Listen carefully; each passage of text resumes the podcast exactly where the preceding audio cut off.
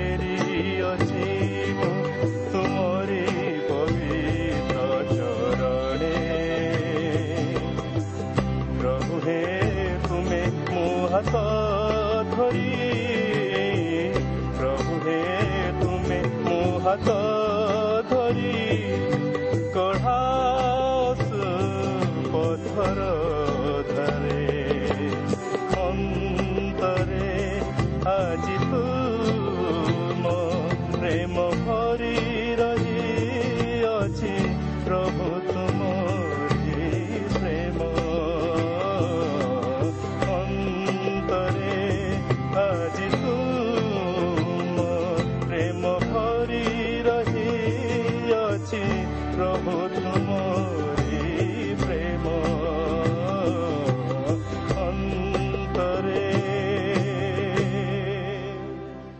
ପ୍ରିୟ ଶ୍ରୋତାବନ୍ଧୁ ଆଜିର ଏହି ଶୁଭ ଅବସରରେ ଆମମାନଙ୍କର ଉଦ୍ଧାରକର୍ତ୍ତା ପ୍ରଭୁ ଯୀଶୁଖ୍ରୀଷ୍ଟଙ୍କ ବହୁମୂଲ୍ୟ ନାମରେ ଶୁଭେଚ୍ଛା ଜଣାଇ ଆଜିର ଏହି ପଥ ପ୍ରଦର୍ଶିକା କାର୍ଯ୍ୟକ୍ରମରେ ଅଂଶୀ ହେବା ନିମନ୍ତେ ଆପଣଙ୍କୁ ସ୍ୱାଗତ କରେ ଆପଣ ଆପଣଙ୍କର ବହୁମୂଲ୍ୟ ସମୟ ଦେଇଥିବାରୁ ଆମେ ମଧ୍ୟ ଆପଣଙ୍କ ନିକଟରେ ବିଶେଷ ଧନ୍ୟବାଦୀ ବାସ୍ତବରେ ପ୍ରଭୁ ଯୀଶୁଙ୍କ ବିଷୟରେ ଅଧିକ ଜାଣିବା ନିମନ୍ତେ ଆପଣଙ୍କର ଆଗ୍ରହକୁ ଦେଖି ଆମେ ବିଶେଷ ଆନନ୍ଦିତ ଆଉ ଆପଣଙ୍କର ପ୍ରାର୍ଥନାର ଅନୁରୋଧ ରକ୍ଷା କରି ଆମେ ମଧ୍ୟ ଆପଣଙ୍କ ନିମନ୍ତେ ପ୍ରାର୍ଥନା କରୁଅଛୁ।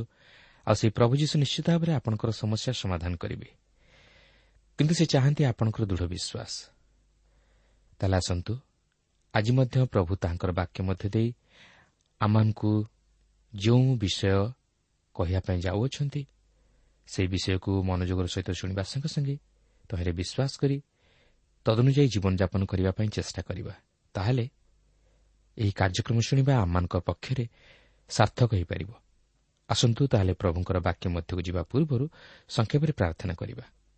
ପବିତ୍ର ପ୍ରଭୁ ତୁମର ପବିତ୍ର ନାମର ଧନ୍ୟବାଦ କରୁଅଛି ସୁନ୍ଦର ସମୟ ପାଇଁ ସୁନ୍ଦର ସୁଯୋଗ ପାଇଁ ତୁମର ଜୀବନ୍ତ ବାକ୍ୟ ପାଇଁ। ପ୍ରଭୁ ଆମେ ଜାଣୁ ତୁମର ବାକ୍ୟ ସତ୍ୟ ଓ ଜୀବନ୍ତ ପରୀକ୍ଷା ସିଦ୍ଧ ଓ ପ୍ରମାଣ ସିଦ୍ଧ।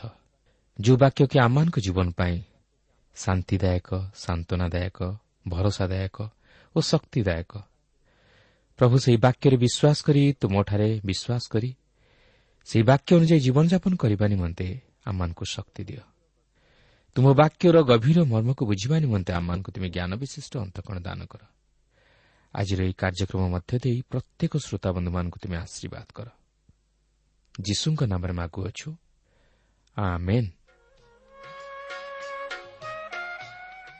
ଆସନ୍ତୁ ବର୍ତ୍ତମାନ ଆମେ ପ୍ରଭୁଙ୍କର ବାକ୍ୟ ମଧ୍ୟକୁ ଯିବା।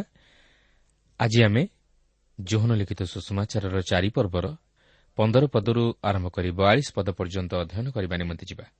ଆପଣଙ୍କ ନିକଟରେ ଯଦି ପବିତ୍ର ବାଇବଲ ଅଥବା ନୂତନ ନିୟମ ଅଛି ତାହେଲେ ମୋ ସହିତ ଖୋଲନ୍ତୁ ଓ ଅଧ୍ୟୟନ କରନ୍ତୁ। ଯଦି ନାହିଁ ତାହେଲେ ମନୋଯୋଗର ସହିତ ଶୁଣନ୍ତୁ। ତେବେ ଆଜି ଆମେ ଏହି ଅଂଶରେ ଲକ୍ଷ୍ୟ କରିବାକୁ ପାରିବା ଯେ ସମୀରଣିଆ ସ୍ତ୍ରୀ ସହିତ ଯୀଶୁଙ୍କର କଥୋପକଥନ। କାରଣ ଆମେ ଜାଣୁ ଯେ ଗତ ପାଠରେ ସେହି ସମୀରଣିଆ ସ୍ତ୍ରୀ ସହିତ ଯୀଶୁଙ୍କର ସାକ୍ଷାତ ହୋଇଥିଲା। ଆସନ୍ତୁ ଦେଖିବା ଆଗକୁ କ'ଣ ଘଟିଲା। ଦେଖନ୍ତୁ ଚାରିପର୍ବର ପନ୍ଦର ଓ ଷୋହଳ ପଦରେ ଏହିପରି ଲେଖା ଅଛି ସ୍ତ୍ରୀ ଲୋକଟି ତାହାଙ୍କୁ କହିଲା ମହାଶୟ ମୋତେ ଯେପରି ଶୋଷ ନ ଲାଗେ ପୁଣି ପାଣି କାଢ଼ିବା ନିମନ୍ତେ ଏତେ ବାଟ ଏଠାକୁ ଆସିବାକୁ ନ ପଡ଼େ ଏଥିନିମନ୍ତେ ମୋତେ ସେହି ଜଳ ଦିଅନ୍ତୁ। ଯୀଶୁ ତାହାକୁ କହିଲେ ଯାଅ ତୁମ ସ୍ୱାମୀ କି ଡାକି ଏଠାକୁ ଆସ। ଏଠାରେ ଆପଣ ଲକ୍ଷ୍ୟ କରିବେ ଯେତେବେଳେ ଯୀଶୁ ତାହାକୁ ସେହି ଅନନ୍ତ ଜୀବନଦାୟକ ଜଳ ବିଷୟ ନେଇ କହୁଛନ୍ତି ସେତେବେଳେ ସେହି ଜଳ ପାଇବା ନିମନ୍ତେ ତାହାର ମନରେ ତୃଷା ଜାତ ହୋଇଅଛି ଓ ସେ ଯେତେବେଳେ ଯୀଶୁଙ୍କୁ ସେହି ଆତ୍ମିକ ଜଳ ମାଗିଛନ୍ତି ସେତେବେଳେ ଯୀଶୁ ତାହାକୁ କହୁଛନ୍ତି ଯାଅ ତୁମ ସ୍ୱାମୀ କି ଡାକି ଏଠାକୁ ଆସ। କାହିଁକି? କାରଣ ପ୍ରଭୁ ଯୀଶୁ ତାହାକୁ ଏପରି କହିବା ଦ୍ୱାରା ଜଣାଇଦେବାକୁ ଚାହିଁଥିଲେ ଯେ ସେ ଯେପରି ନିଜକୁ ପାପି ବୋଲି ଜାଣିବାକୁ ପାରେ। ଯଦିଓ ସେହି ଜୀବନ୍ତ ଜଳ ସମସ୍ତଙ୍କ ନିମନ୍ତେ ପ୍ରଦାନ କରାଯାଇପାରେ ମାତ୍ର ତହିଁ ନିମନ୍ତେ ଏକ ସର୍ତ୍ତ ପୂରଣ ହେବାକୁ ଅଛି।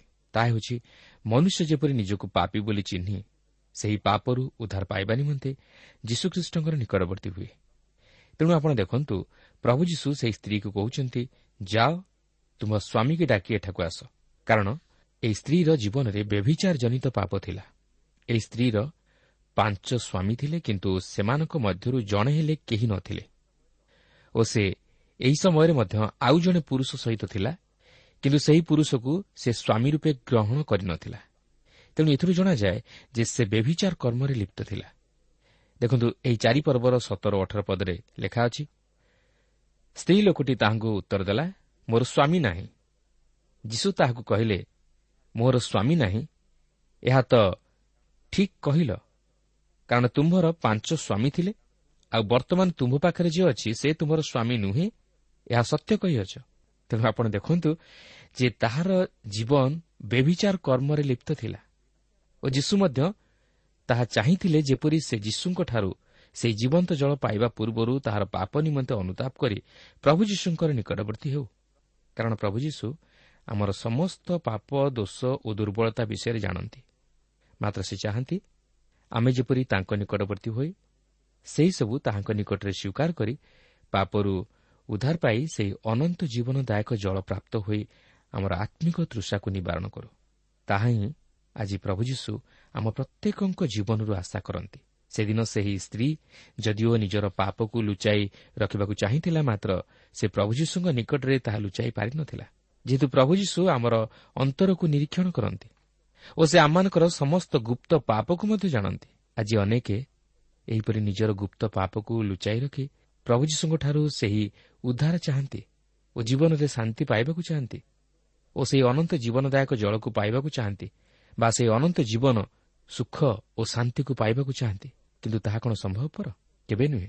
ଯେପର୍ଯ୍ୟନ୍ତ ଆମେ ନିଜକୁ ପାପି ବୋଲି ଚିହ୍ନି ନାହୁଁ ଓ ତାହାଙ୍କ ନିକଟରେ ନିଜର ପାପ ସମସ୍ତ ସ୍ୱୀକାର କରିନାହୁଁ ସେ ପର୍ଯ୍ୟନ୍ତ ଆମେ ସେହି ପ୍ରଭୁ ଯୀଶୁଙ୍କଠାରୁ ପାପ କ୍ଷମା ତଥା ଶାନ୍ତି ଓ ଆନନ୍ଦ ପାଇବା ନାହିଁ କି ସେହି ଅନନ୍ତ ଜୀବନର ଅଧିକାରୀ ହୋଇପାରିବା ନାହିଁ। ଆଜି ଅନେକ ପାପକୁ ପ୍ରେମ କରନ୍ତି ଓ ପ୍ରଭୁ ଯୀଶୁଙ୍କଠାରେ ବିଶ୍ୱାସ କରି ସେହି ଅନନ୍ତ ଜୀବନର ଅଧିକାରୀ ହେବାକୁ ଚାହାନ୍ତି। ପ୍ରଭୁଙ୍କଠାରୁ ସମସ୍ତ ଆଶୀର୍ବାଦ ପ୍ରାପ୍ତ ହେବାକୁ ଚାହାନ୍ତି। କିନ୍ତୁ ତାହା ସମ୍ଭବପର ନୁହେଁ। ଯଦି ଆମେ ପ୍ରଭୁ ଯୀଶୁଙ୍କର ହେବାକୁ ଚାହୁଁ ଓ ତାହାଙ୍କର ପରିଚୟ ପାଇବାକୁ ଚାହୁଁ ଓ ତାହାଙ୍କଠାରୁ ସେହି ଅନନ୍ତ ଜୀବନଦାୟକ ଜଳ ପାଇବାକୁ ଚାହୁଁ ତାହେଲେ ପ୍ରଥମେ ଆମର ପାପ ସବୁ ତାହାଙ୍କ ନିକଟରେ ସ୍ୱୀକାର କରିବାକୁ ହେବ ଓ କ୍ଷମା ମାଗିବାକୁ ହେବ ଓ ସେହି ପରିତାଣ ରୂପ କୂପରୁ ଜଳପାନ କରିବାକୁ ହେବ ଯାହାକି କେବଳ ଯୀଶୁ ସେହି କୂପରୁ କାଢ଼ି ଆପଣଙ୍କୁ ତାହା ଦେଇପାରିବେ। ତାହା ନହେଲେ ଆପଣ ଆପଣଙ୍କର ଆତ୍ମିକ ତୃଷାକୁ କେବେ ହେଲେ ମୋଚନ କରିପାରିବେ ନାହିଁ।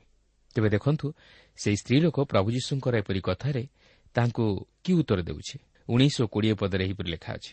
ସ୍ତ୍ରୀ ଲୋକଟି ତାହାଙ୍କୁ କହିଲା ମହାଶୟ ଆପଣ ଯେ ଜଣେ ଭାଓବାଦୀ ଏହା ମୁଁ ଜାଣିପାରୁଅଛି ଆମମାନଙ୍କ ପିତୃପୁରୁଷମାନେ ଏହି ପର୍ବତରେ ଉପାସନା କଲେ। ଆଉ ଆପଣମାନେ କହୁଅଛନ୍ତି ଯେଉଁ ସ୍ଥାନରେ ଉପାସନା କରିବା ଉଚିତ ତାହା ଜିରୁସାଲାମରେ ଅଛି। ଏଠାରେ ସେହି ସ୍ତ୍ରୀ ଯୀଶୁଙ୍କୁ ଜଣେ ଭାଓବାଦୀ ସ୍ୱରୂପେ ସ୍ୱୀକାର କରୁଅଛି। କିନ୍ତୁ ଏଠାରେ ଆମେ ବିଷୟବସ୍ତୁରେ କିଛି ପରିବର୍ତ୍ତନ ଦେଖୁଅଛୁ। ସେହି ସ୍ତ୍ରୀ ଉପାସନା ବିଷୟ ନେଇ କିଛି ଯୁକ୍ତି ବାଢ଼ିବାକୁ ଯାଉଛି। ଏହି ଅଂଶରେ ଯେଉଁ ପର୍ବତରେ ଉପାସନା କରିବା ବିଷୟ ନେଇ ଏହି ସ୍ତ୍ରୀ ଲୋକଟି ପ୍ରକାଶ କରୁଅଛି ତାହା ଥିଲା ଗରିସିମ୍ ପର୍ବତ ଯେଉଁ ପର୍ବତରେ ସମିରଣୀୟମାନେ ଈଶ୍ୱରଙ୍କର ଉପାସନା କରିବା ନିମନ୍ତେ ଏକତ୍ରିତ ହେଉଥିଲେ ଓ ଈଶ୍ୱରଙ୍କ ଉଦ୍ଦେଶ୍ୟରେ ବଳିଦାନ ପ୍ରଭୃତି ଉତ୍ସର କରୁଥିଲେ। ତେବେ ସେହି ସ୍ତ୍ରୀ ଲୋକଟି ଏହି ଅଂଶରେ ଉପାସନା କରିବା ନେଇ ସ୍ଥାନ ଉପରେ ଗୁରୁତ୍ୱ ଦେବାର ପଛରେ ଏକ ପ୍ରଧାନ କାରଣ ଥାଇପାରେ ଯେ ସେ ନିଜର ପାପ ନିମନ୍ତେ ବଳିଦାନ ଉତ୍ସର କରିବା ପାଇଁ ଚାହୁଁଥିଲା ଓ ସେ ତାହା ପ୍ରକୃତରେ କେଉଁ ସ୍ଥାନରେ ଉତ୍ସର କରିବ? ଜିରୁସାଲାମରେ? ନା ସେହି ଗରିସିମ୍ ପର୍ବତରେ? ତାହା ଜାଣିବାକୁ ଚାହୁଁଥିଲା। କାରଣ ସେହି ସମୟରେ ପାପକ୍ଷମା ନିମନ୍ତେ ବଳିଦାନର ଆବଶ୍ୟକତା ପଡ଼ୁଥିଲା। ତାହାର ମନରେ ଗୋଟିଏ ବିଷୟ ଥିଲା କେଉଁଠାରେ ସେ ଈଶ୍ୱରଙ୍କୁ ପାଇପାରିବ ଓ ତାହାର ପାପକ୍ଷମା ନିମନ୍ତେ ବଳିଦାନ ଉତ୍ସର କରି ପାପରୁ ଉଦ୍ଧାର ପାଇପାରିବ। ତେବେ ଦେଖନ୍ତୁ ଯୀଶୁ ତାହାକୁ କିପରି ଉତ୍ତର ଦେଉଛନ୍ତି। ଏକୋଇଶରୁ ଚବିଶ ପଦରେ ଲେଖା ଅଛି ଯୀଶୁ ତାହାକୁ କହିଲେ ଆଗ ନାରୀ ମୋ କଥା ବିଶ୍ୱାସ କର। ଯେଉଁ ସମୟରେ ତୁମେମାନେ ଏହି ପର୍ବତରେ କିମ୍ବା ଜିରୁସାଲାମରେ ପିତାଙ୍କର ଉପାସନା କରିବ ନାହିଁ ଏପରି ସମୟ ଆସୁଅଛି। ଯାହା ତୁମେମାନେ ଜାଣ ନାହିଁ ତାହା ଉପାସନା କରୁଥାଅ। ଯାହାଙ୍କୁ ଆମ୍ଭେମାନେ ଜାଣୁ ତାହାଙ୍କୁ ଉପାସନା କରୁଥାଉ। କାରଣ ପରିତାଣ ଯୁହୁଦୀମାନଙ୍କ ମଧ୍ୟରୁ ଆସେ। କିନ୍ତୁ ଯେଉଁ ସମୟରେ ସତ୍ୟ ଉପାସକମାନେ ଆତ୍ମାରେ ଓ ସତ୍ୟରେ ପିତାଙ୍କର ଉପାସନା କରିବେ ସେପରି ସମୟ ଆସୁଅଛି ପୁଣି ବର୍ତ୍ତମାନ ସୁଦ୍ଧା ଉପସ୍ଥିତ। କାରଣ ପିତା ଏହି ପ୍ରକାର ଉପାସକ ଚାହାନ୍ତି। ଈଶ୍ୱର ଆତ୍ମା ପୁଣି ଯେଉଁମାନେ ତାହାଙ୍କର ଉପାସନା କରନ୍ତି ଆତ୍ମାରେ ଓ ସତ୍ୟରେ ଉପାସନା କରିବା ସେମାନଙ୍କର ଉଚିତ। ଏହି ଅଂଶରେ ଆପଣ ଲକ୍ଷ୍ୟ କରିବେ ପ୍ରଭୁ ଯୀଶୁ ସେହି ପାପ ବିଷୟ ନେଇ ଉପେକ୍ଷା କରୁନାହାନ୍ତି। ମାତ୍ର ସେହି ସ୍ତ୍ରୀ ଲୋକକୁ ତହିଁର ସମାଧାନ ନିମନ୍ତେ କିଛି ଉପାୟ ମଧ୍ୟ ବତାଉଛନ୍ତି। ସେ କହନ୍ତି ନାହିଁ ଯେ ତୁ ଯେ ସେହି ପର୍ବତକୁ ଯା ବା ସେହି ଜିରୁସାଲମକୁ ଯା ମାତ୍ର ସେ କହନ୍ତି ସମୟ ଆସୁଅଛି। ଯେତେବେଳେ କି ସେ ସେହି ଜିରୁସାଲମରେ ବା ସେହି ପର୍ବତରେ ପୂଜିତ ହେବେ ନାହିଁ ମାତ୍ର ସେ ସତ୍ୟରେ ଓ ଆତ୍ମାରେ ପ୍ରତ୍ୟେକ ସ୍ଥାନରେ ପୂଜିତ ହେବେ। କାହିଁକି? ଏହାର କାରଣ ହେଉଛି ଆମେ କେଉଁଠାରେ ତାହାଙ୍କର ଉପାସନା କରୁ ତାହା ଗୁରୁତ୍ୱପୂର୍ଣ୍ଣ ନୁହେଁ ମାତ୍ର କିପରି ତାହାଙ୍କର ଉପାସନା କରୁ ତାହା ହେଉଛି ଗୁରୁତ୍ୱପୂର୍ଣ୍ଣ ବିଷୟ। ତେଣୁକରି ପ୍ରଭୁ ଯୀଶୁ ସେହି ସ୍ତ୍ରୀକୁ ପରିଷ୍କାର ଭାବେ କହନ୍ତି ଈଶ୍ୱର ହେଉଛନ୍ତି ଆତ୍ମା। ତୁମକୁ ସେଠାକୁ ବା ଏଠାକୁ ଦୌଡ଼ିବାକୁ ପଡ଼ିବ ନାହିଁ। କାରଣ ସତ୍ୟ ଉପାସକମାନେ ଆତ୍ମାରେ ଓ ସତ୍ୟରେ ତାହାଙ୍କର ଉପାସନା କରନ୍ତି। ପ୍ରିୟ ବନ୍ଧୁ ଆପଣ ଯଦି ବାସ୍ତବରେ ଆନ୍ତରିକତାର ସହିତ ଓ ବିଶ୍ୱାସର ସହିତ ପ୍ରଭୁ ଯୀଶୁଙ୍କର ନିକଟବର୍ତ୍ତୀ ହୁଅନ୍ତି ଓ ଆପଣଙ୍କର ମନରେ ଆସୁଥିବା ସବୁ ପ୍ରକାର ସନ୍ଦେହ ଓ ପ୍ରଶ୍ନକୁ ତାହାଙ୍କ ନିକଟରେ ଉପସ୍ଥାପିତ କରନ୍ତି ତାହେଲେ ସେ ଆପଣଙ୍କର ମନରୁ ସମସ୍ତ ପ୍ରକାର ସନ୍ଦେହ ଦୂର କରି ଆପଣଙ୍କର ପ୍ରଶ୍ନର ସଠିକ୍ ଉତ୍ତର ପ୍ରଦାନ କରିବେ ଓ ସେ ଆପଣଙ୍କୁ ସେହି ସତ୍ୟର ପରିଚୟ ପ୍ରଦାନ କରିବେ। ଆପଣଙ୍କ ନିମନ୍ତେ ମୋର ଏକ ପ୍ରଶ୍ନ। ଆପଣ ଆଜି କେଉଁପରି ଭାବରେ ଈଶ୍ୱରଙ୍କର ଉପାସନା କରନ୍ତି?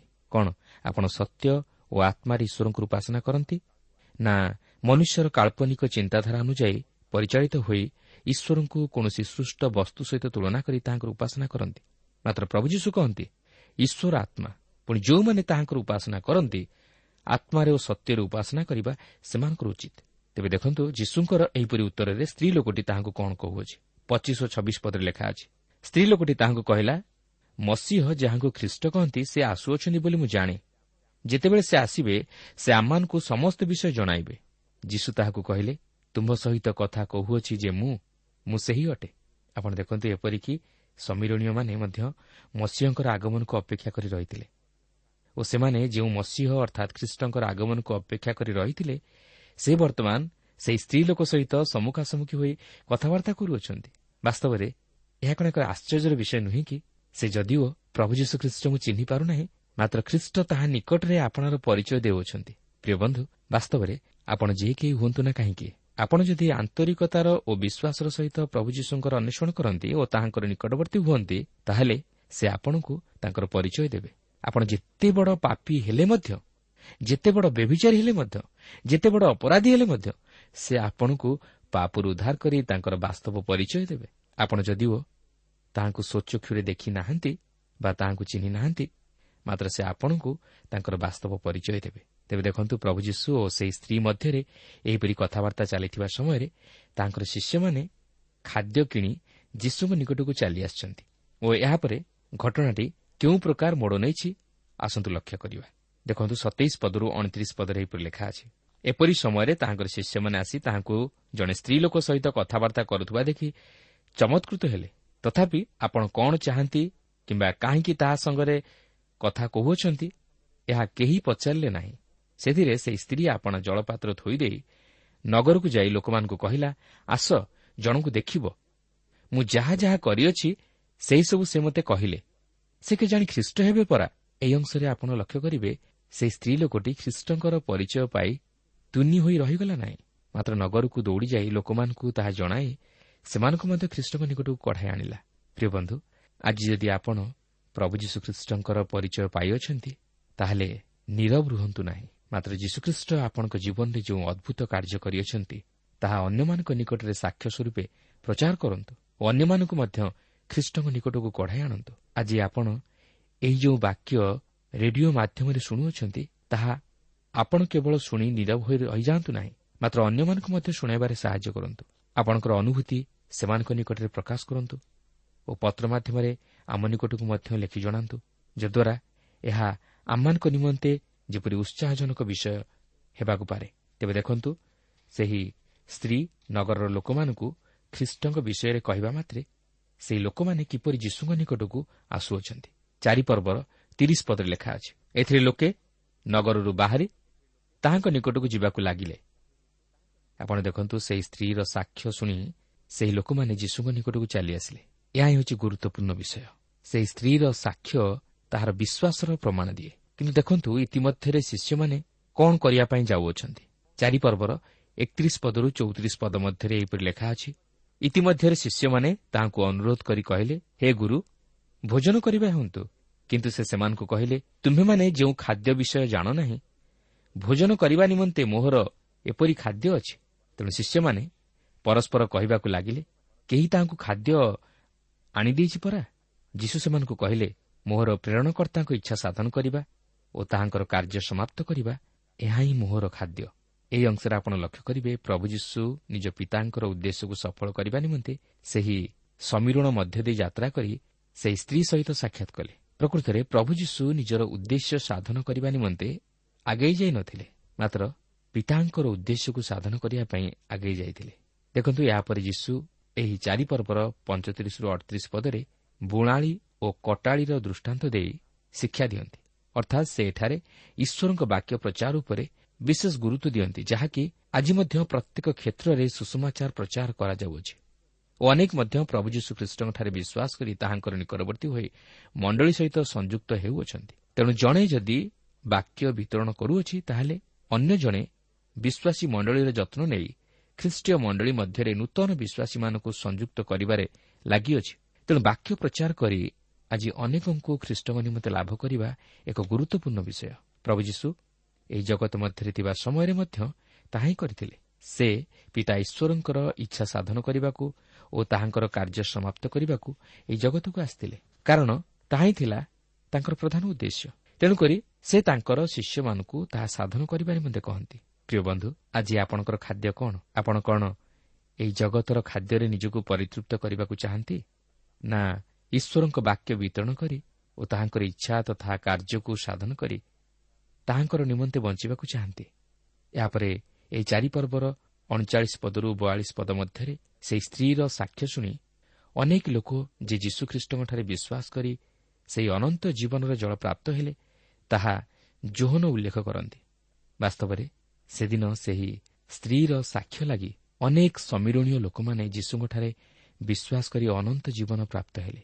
କିନ୍ତୁ ଆଜି ଆମର ଜୀବନର ସାକ୍ଷ୍ୟ କେତେଜଣଙ୍କୁ ପ୍ରଭୁ ଯୀଶୁଙ୍କର ନିକଟବର୍ତ୍ତୀ କରାଇପାରିଛି ମାତ୍ର ପ୍ରଭୁ ଯୀଶୁ ଚାହାନ୍ତି ଆମେ ଯେପରି ଈଶ୍ୱରଙ୍କ ବାକ୍ୟ ପ୍ରଚାର କରି ଅନେକଙ୍କୁ ଖ୍ରୀଷ୍ଟଙ୍କ ନିକଟବର୍ତ୍ତୀ କରାଉ ତାହେଲେ ଆମେ ଆମର କର୍ତ୍ତବ୍ୟର ସମୁଚିତ ଫଳ ପ୍ରାପ୍ତ ହେବା। ତେଣୁ ପ୍ରିୟ ବନ୍ଧୁ ପ୍ରଭୁ ଆଜି ତାଙ୍କର ବାକ୍ୟ ମଧ୍ୟ ଦେଇ ଆମମାନଙ୍କୁ ଏହି ଶିକ୍ଷା ଦେବା ପାଇଁ ଚାହାନ୍ତି ଯେ ଆମେ ଯେପରି ନିଜର ପାପ ସବୁକୁ ସ୍ୱୀକାର କରି ସେହି କୃଷ ନିକଟରେ ତାହା ଥୋଇଦେଇ ପ୍ରଭୁ ଯୀଶୁଙ୍କଠାରୁ କ୍ଷମା ମାଗୁ ଆଉ ତାଙ୍କଠାରୁ ସେହି ଜୀବନ୍ତ ଜଳ ପାଇବା ନିମନ୍ତେ ସେହି ଅନନ୍ତ ଜୀବନର ଜଳ ପାଇବା ନିମନ୍ତେ ତାହାଙ୍କୁ ମାଗୁ। ତାହେଲେ ସେ ଆମମାନଙ୍କର ପାପ କ୍ଷମା କରି ଆମମାନଙ୍କୁ ସେହି ଅନନ୍ତ ଜୀବନଦାୟକ ଜଳର ନିର୍ଝର ଦେବେ ଯାହାକି ଆମମାନଙ୍କ ଜୀବନ ମଧ୍ୟ ଦେଇ ଉଛୁଳି ଉଠିବ। ଆଉ ଆମମାନଙ୍କର ଜୀବନ ମଧ୍ୟ ଦେଇ ଏହା ଅନେକଙ୍କ ପାଇଁ ଆଶୀର୍ବାଦର କାରଣ ହୋଇପାରିବ। ପ୍ରିୟ ବନ୍ଧୁ ଆଜି ଆମେ ଏହି ଜଗତରେ ବଞ୍ଚିଛୁ। କ'ଣ କେବଳ ନିଜ ପାଇଁ ନା ଅନ୍ୟମାନଙ୍କ ପାଇଁ? ଆଜି ଆମମାନଙ୍କର ଜୀବନ ଅନ୍ୟର ଲାଭର କାରଣ ହୋଇପାରିଛି ନା ଅନ୍ୟର ବିନାଶର କାରଣ ହୋଇଅଛି? ଆଜି ଆମମାନଙ୍କ ଜୀବନ କ'ଣ ସେ ଖ୍ରୀଷ୍ଟଙ୍କ ଆଦର୍ଶରେ ଅନୁପ୍ରାଣିତ? ଆଜି ଆମମାନଙ୍କର ଜୀବନ କ'ଣ ଖ୍ରୀଷ୍ଟଙ୍କର ଆଦର୍ଶ ଅନୁଯାୟୀ ପରିଚାଳିତ? ଯଦି ନାହିଁ ତାହେଲେ ଆଜି ଆମେ ଚେଷ୍ଟା କରୁ ଯେପରି ସେହି ପ୍ରଭୁ ଯୀଶୁ ଖ୍ରୀଷ୍ଟଙ୍କୁ ନିଜର ଜୀବନରେ ଗ୍ରହଣ କରି ତାହାଙ୍କର ଇଚ୍ଛା ଓ ଅଭିମତକୁ ସଫଳ କରୁ। ପ୍ରଭୁ ଚାହାନ୍ତି ଯେପରି ଆମମାନେ ରକ୍ଷାପ୍ରାପ୍ତ ହେବା ସଙ୍ଗେ ସଙ୍ଗେ ଅନ୍ୟମାନଙ୍କୁ ମଧ୍ୟ ପ୍ରଭୁଙ୍କ ନିକଟକୁ କଢ଼ାଇ ଆଣୁ। ପ୍ରଭୁ ପ୍ରତ୍ୟେକଙ୍କୁ ଏହି ସଂକ୍ଷିପ୍ତ ଆଲୋଚନା ମଧ୍ୟ ଦେଇ ଆଶୀର୍ବାଦ କରନ୍ତୁ।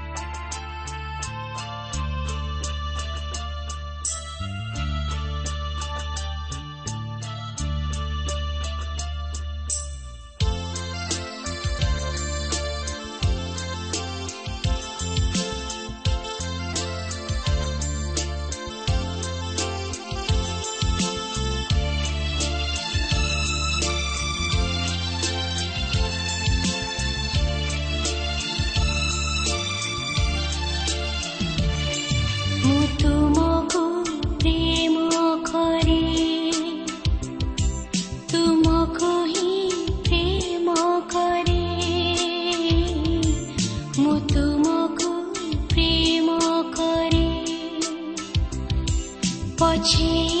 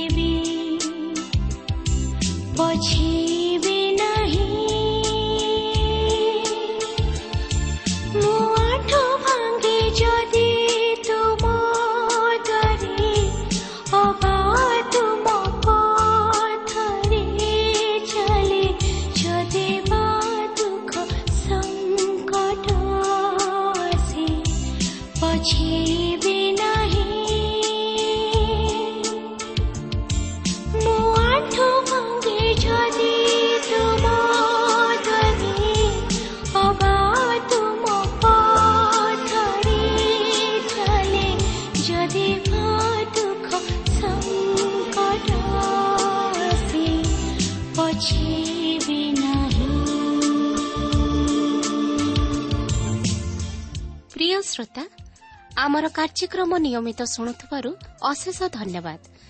ଆପଣ ଏହି କାର୍ଯ୍ୟକ୍ରମ ଶୁଣିବା ଦ୍ୱାରା ଆତ୍ମିକ ଜୀବନରେ ଉପକୃତ ହୋଇପାରିଥିବେ ବୋଲି ଆମର ବିଶ୍ୱାସ। ପ୍ରଭୁ ଯୀଶୁଙ୍କ ବିଷୟରେ ଅଧିକ ଜାଣିବାର ଆଗ୍ରହ ଥିଲେ ଅଥବା ଉପାଦେୟ ପୁସ୍ତକର ଆବଶ୍ୟକ ଥିଲେ ଆମ ସହ ଯୋଗାଯୋଗ କରନ୍ତୁ। ଆମର ଠିକଣା ପଥ ପ୍ରଦର୍ଶିକା Trans World Radio India post box number ତିନି ତିନି ଭୁବନେଶ୍ୱର ସାତ ପାଞ୍ଚ ଏକ। ଟେଲିଫୋନ ନମ୍ବର ଶୂନ ଛଅ ସାତ ଚାରି ଦୁଇ ତିନି ଶୂନ ଶୂନ ତିନି ତିନି ପାଞ୍ଚ। ଠିକଣାଟି ଆଉଥରେ ଶୁଣନ୍ତୁ।